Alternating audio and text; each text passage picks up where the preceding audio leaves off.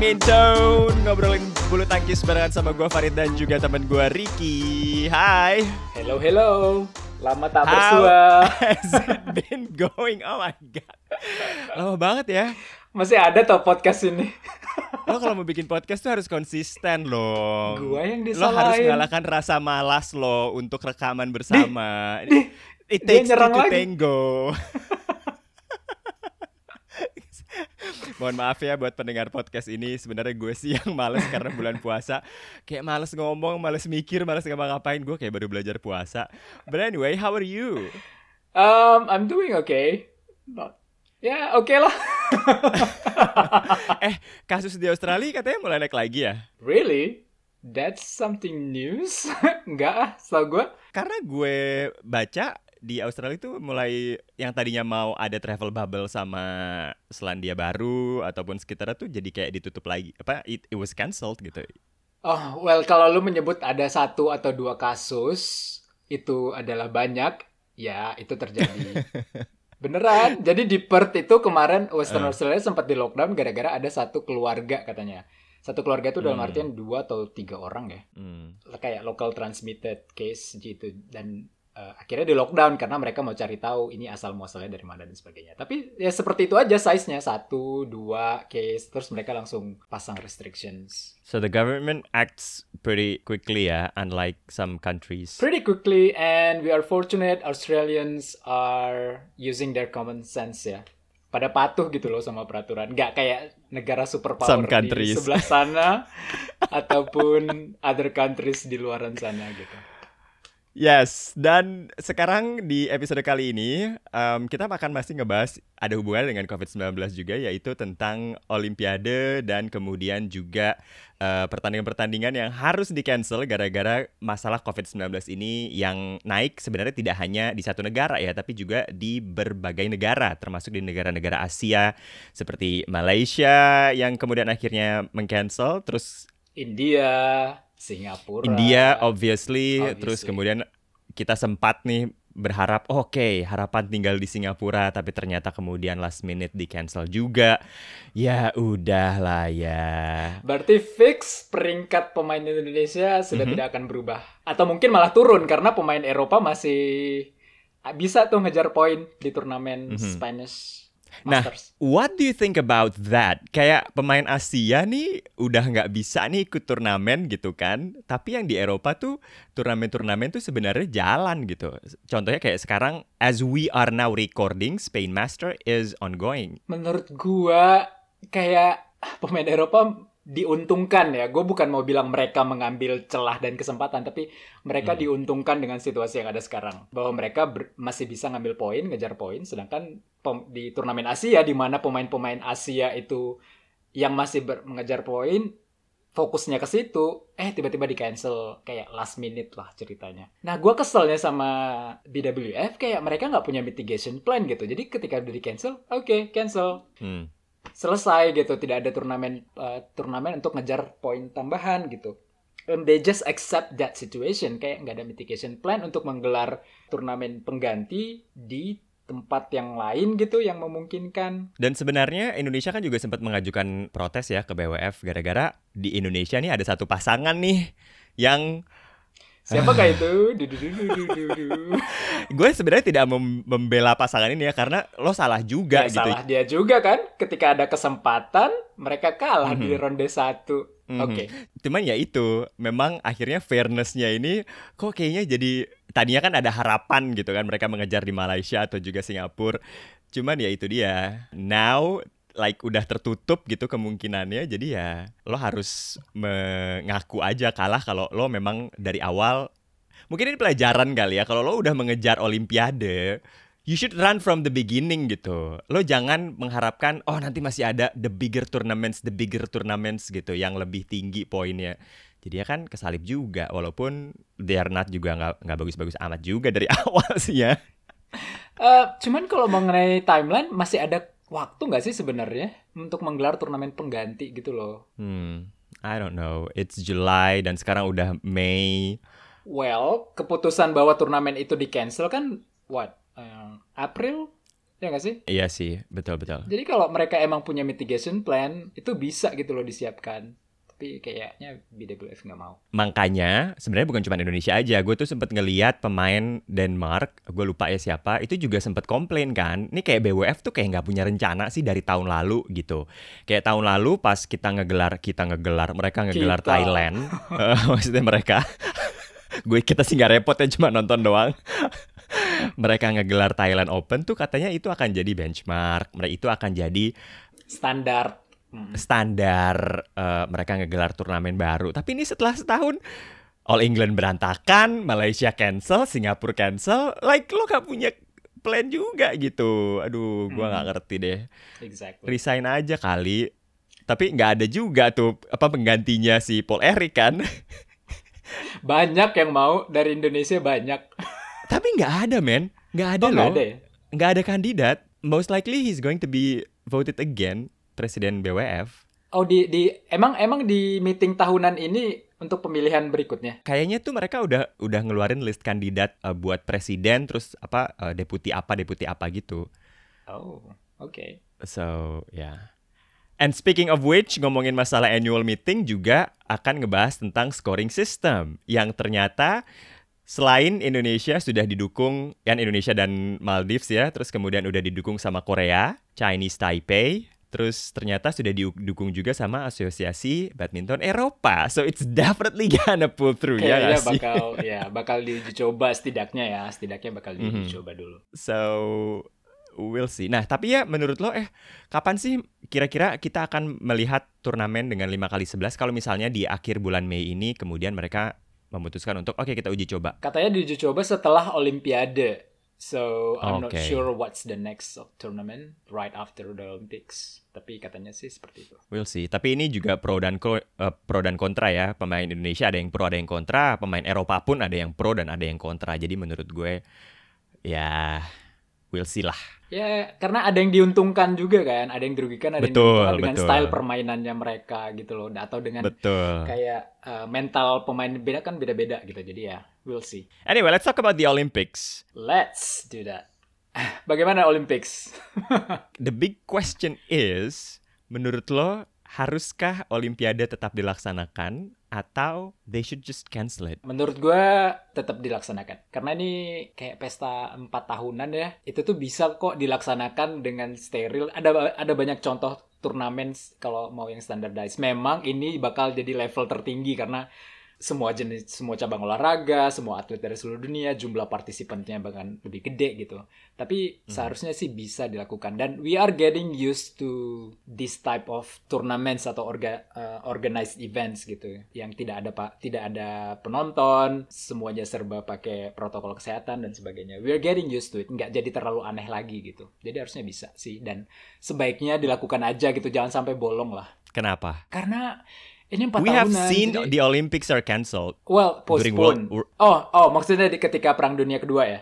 Iya, tapi saat itu kan emang ber- eh, dunia lagi perang gitu. Nggak ada tempat yang aman gitu. Kalau ini situasinya menurut gua eh, bangunannya ada, fasilitasnya ada, orangnya ada, tinggal protokolnya aja yang yang di, Menurut gue ini sebenarnya lebih berbahaya loh Ricky. Karena maksud gue kalau kita nggak bisa contain si virus ini tuh Dia akan bisa bermutasi kan? We have Iya. seen mutasi-mutasi virus ini Yang kemudian meskipun banyak yang bilang nggak deadly kok Tapi lebih cepat menyebarnya.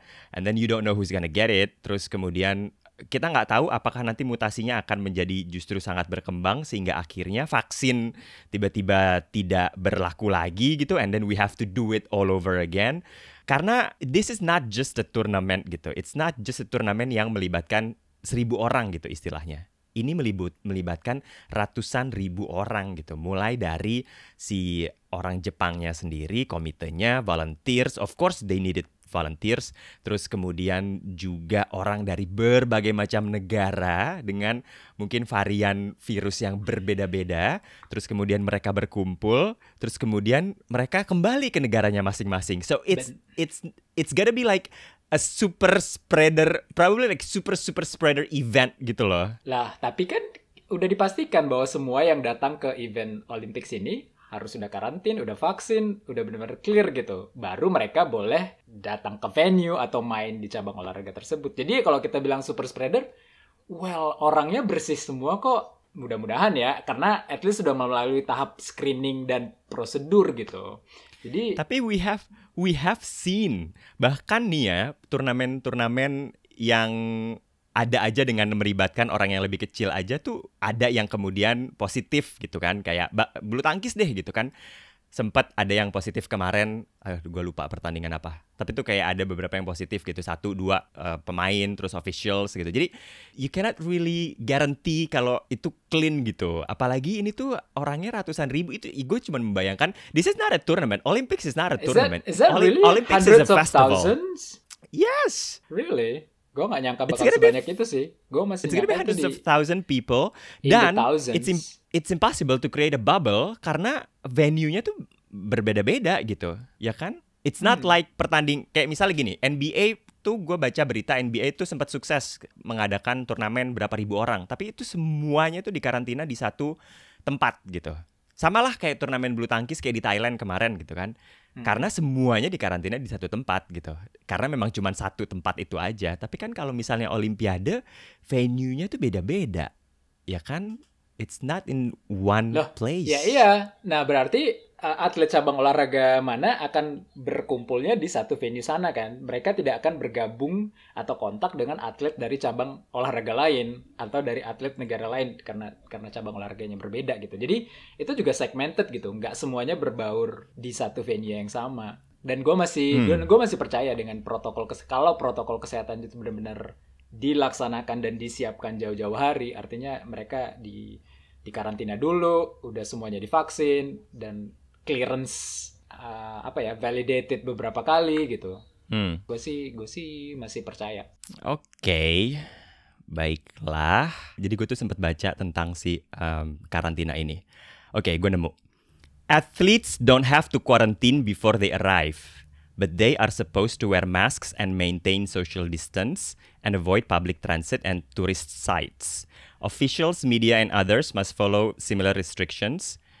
The venue themselves will take precautions like temperature checks and additional sanitation requirements. Um, Ini web website official. Uh, bukan, ini dari representatifnya uh, Olimpiade. Oke, tapi uh, informasinya berarti akurat nggak? Oh, hold on, hold on, hold on. The Olympics are not going to mandate that everyone quarantine. Walaupun athletes will be discouraged from leaving the campus, they won't be walled off from the rest of Tokyo. That's crazy, Oh. right? Yeah, it is. Alright, uh, I will not support uh, the event kalau memang begitu ya protokol standar mereka jelek begitu. Ya. That's crazy.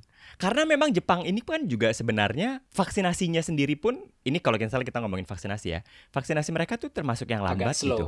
Ya. Hmm. Ya kan, gua nggak tahu ya protokol pakai maskernya seperti apa, tapi menurut gue mungkin karena orang Jepang udah terbiasa pakai masker ya, so we don't really have to tell the Japanese to wear masks. Dan bahkan mereka tidak menyuruh si atletnya ini untuk divaksinasi sebelum ikutan Olimpiade. Walaupun negara-negara yang udah berlimpah vaksinnya itu kayak Amerika, Australia itu sudah mulai memvaksin memvaksinasi si atlet-atletnya, tapi mereka tidak meman- menyuruh atau mengharuskan, mewajibkan semua yang terlibat itu divaksinasi. Wow, that is shocking. Tapi ini katanya bisa berubah. Protokol-protokol ini bisa berubah. Cuman ya sekarang ini udah 20 kita sekarang rekaman 20 Mei. Hitungannya udah dua bulan men menuju Hmm. ke Olimpiade. Masa sih lo nggak mau mengeluarkan kebijakan yang lebih ketat? Ya nggak sih? Yap, yap. It's two months. There's no way kita mempostpone lagi kan si Olimpiade ini. It's the the last choice is to go or not to go. Tapi kalau gue baca juga nih dari si artikel ini, hmm, katanya ini kalau ini jurnalis nih kali ini jurnalis yang ngomong. Dia bilang sepertinya it's unlikely that it will be cancelled. So most likely ini akan tetap go, tetap akan jalan karena udah tinggal dua bulan. Tapi ya kemudian the biggest question itu adalah si mitigasinya seperti apa nanti sebelum saat dan sesudah olimpiadenya dilakukan karena kan bukan cuman olimpiade ya tapi paralimpiade juga akan dilakukan gitu kan Yep. Yep. let's see it from the um, the perspective of the athletes. Of course, if you are an athlete dan apalagi kalau lo udah mempersiapkan dan umur lo sudah mencapai 30-an ke akhir Ya, ini, ini ke- sebuah kita ngomongin bulu tangkis mimpi, ya. Sebuah mimpi kan yang Exactly. yang mungkin once in a lifetime mereka gua ngerti kalau mereka pengennya tetap dilaksanakan. Yes, exactly. Karena bisa jadi this could be their last Olympics dan mungkin tidak ada Olimpiade lagi. Ya, Olimpiade lagi Buat 2024 gitu kan Hmm, buat buat mereka. mereka. heeh. Hmm. Kalau yang masih muda-muda mungkin masih lebih kayak ya udahlah lebih santai gitu ya nanggepinnya. Dan gue tuh sempat ngirim ke lo satu eh, pembahasan ataupun satu em, pembahasan tentang Olimpiade itu yang nggak boleh dipakai sama brand. Ternyata itu memang ada hubungannya dengan eh, duit kan ya, duit Yap, itu dan sponsorship. Sponsorship gitu. Nah, ini juga jadi pertimbangan besar kenapa Olimpiade itu tidak mungkin dibatalkan. Because this is like it is already the most expensive Olympics in the history. Karena ada postponing itu. Jadi si perdana menteri Jepang, uh, what's his name? Gue lupa. Yoshihide Suga. Oke. Um, jadi ini tuh kayak tesnya dia gitu loh, you know. Dan tentunya banyak oposisi yang mengambil kesempatan ini untuk menyerang dia kan. Hmm. Makanya ada Ya, ya. polling. Kalau kita tanya sama orang Jepang, ternyata ada polling 60% orang Jepang tuh meminta dibatalkan. Kayak Yes. mereka nggak setuju. Ya. hmm. Hmm, karena buat siapa sih Olimpiade ini gitu? Pertama, lo udah nggak mungkin ada tourism gitu kan? Kalau misalnya salah satu tujuannya adalah tourism, and then now it's not happening, so buat apa juga? Dan belum ada keputusan apakah penonton yang orang Jepangnya pun juga dibolehkan gitu. Jadi Ya. Penonton internasional udah pasti nggak boleh. Penonton lokal nggak tahu nih apakah bisa. Semoga sih nggak usah aja gitu. Semua biar biar benar steril tuh stadion. yes. Now, what would you do if you are the president of BWF? I would resign and hang myself. Tapi sebenarnya Ricky, apa sih sebenarnya kesulitan lo kalau lo jadi presiden BWF ya? Apa sih kesulitan lo mengadakan turnamen seperti Thailand Open kemarin? Sekarang kita agak Ah. sedikit melenceng nih dari, tapi masih ada hubungannya dengan Olimpiade ya karena ya banyak turnamen yang kemudian di cancel. Kok nggak tahu ya, kemungkinan sponsorship kali ya. Kalau satu turna apa berentetan turnamen itu kan mungkin beda-beda tuh. Satunya Victor, satunya Yonex, satunya Lining yang mensponsori turnamen India, Singapura, Malaysia beda-beda gitu ya. Mungkin di situ berbenturan kalau mau di saat dilakukan kayak di Thailand kemarin tiga turnamen tuh langsung jebret gitu. Tapi menurut gua harusnya itu semua it's doable gitu. It's Buktinya doable, kita bisa kan? melakukan Thai- Iya, kita bisa eh kita lagi. Sorry. Kita udah berasa kayak Buktinya itu bisa BWF. dilakukan gitu. seharusnya nih mungkin karena kita nggak mungkin karena BWF juga nggak mikir it's gonna be this long gitu ya. Mungkin mereka pikir setahun itu akan selesai gitu kan. And eventually ternyata enggak gitu setahun malah now eh, banyak varian baru dan segala macam. Seharusnya nih kalau misalnya mereka emang berpikiran agak panjang gitu ya mereka sudah mulai nyusun rencana nggak sih tahun ini buat kalender tahun depan season depan gitu ya nggak sih? Dan season depan ya udah lo bagi jadi kayak empat turnamen besar atau empat turnamen di satu tempat yang samaan gitu. Iya. Atau atau kalaupun misalnya ya pokoknya selalu har- harus ada selalu plan B gitu loh.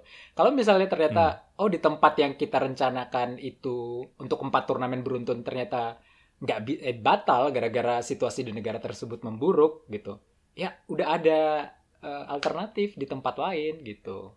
Sebenarnya kan eh, bulu tangkis ini ada keuntungan sedikit gitu ya dalam tanda kutip karena memang cuma dua benua ya yang sangat maju gitu kayak Asia dan Eropa. Ya udah, lo tinggal pilih aja gitu.